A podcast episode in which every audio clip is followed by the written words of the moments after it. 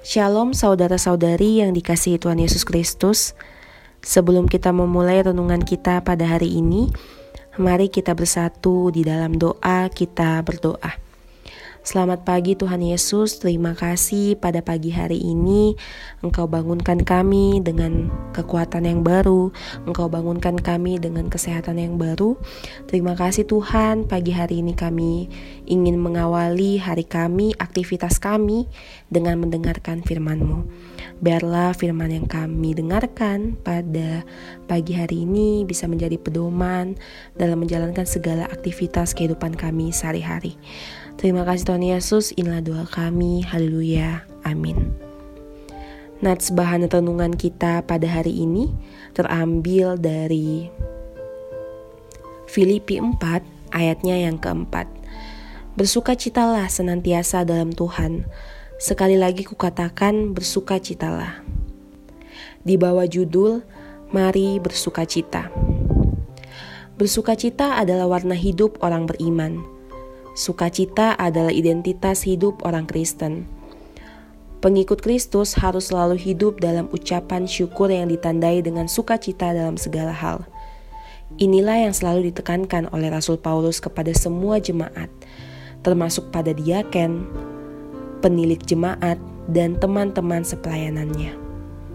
Semua orang percaya harus senantiasa bersukacita di dalam Tuhan. Bersukacita senantiasa dalam segala hal, Berarti bersukacita baik dalam suka maupun duka, dalam kekurangan dan kelimpahan, dalam kesusahan maupun kesenangan. Susah atau senang harus senantiasa bersukacita. Mengapa?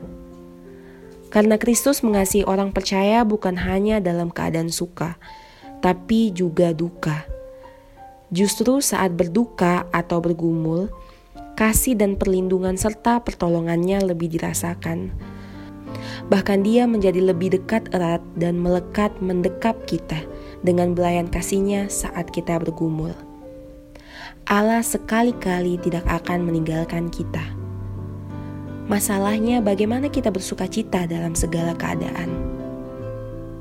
Kita perlu senantiasa menyerahkan tubuh, jiwa, roh kepada Tuhan setia berdoa, mendengarkan firman-Nya dan memuji namanya.